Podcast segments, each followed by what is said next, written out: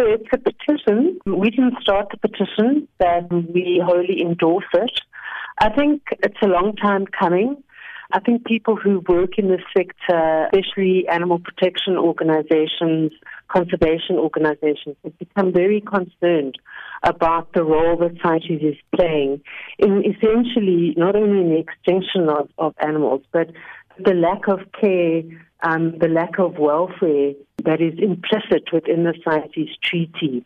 So um, the CITES, people mustn't forget, is essentially a trade treaty, and the animal protection issues just fall by the wayside.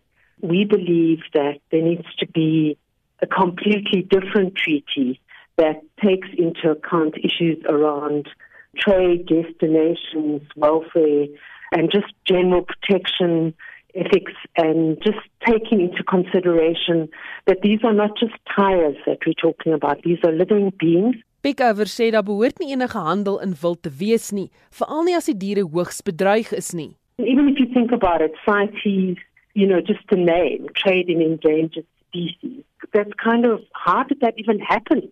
That we have trade in endangered species. It should only be if it's for their total protection And I think there's so many loopholes, and our research on the lion bone trade, and we're also working on live trade, um, shows that CITES is just actually facilitating the legal trade through CITES is actually facilitating the illegal trade, and of course, heaping masses of misery on the animals that are involved in the trade. Sy sê verder doen hulle navorsing dat die regerings agter CITES skuil eerder as om hulle verantwoordelikhede na te kom.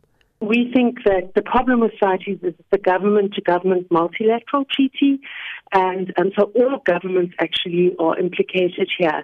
It's very slow, it's very unwieldy, nothing really happens, it takes years and years, and then they have resolutions to which most of the countries don't even implement, South Africa being one of them. So it, it really needs to go because it's outmoded, it's outdated it doesn't function.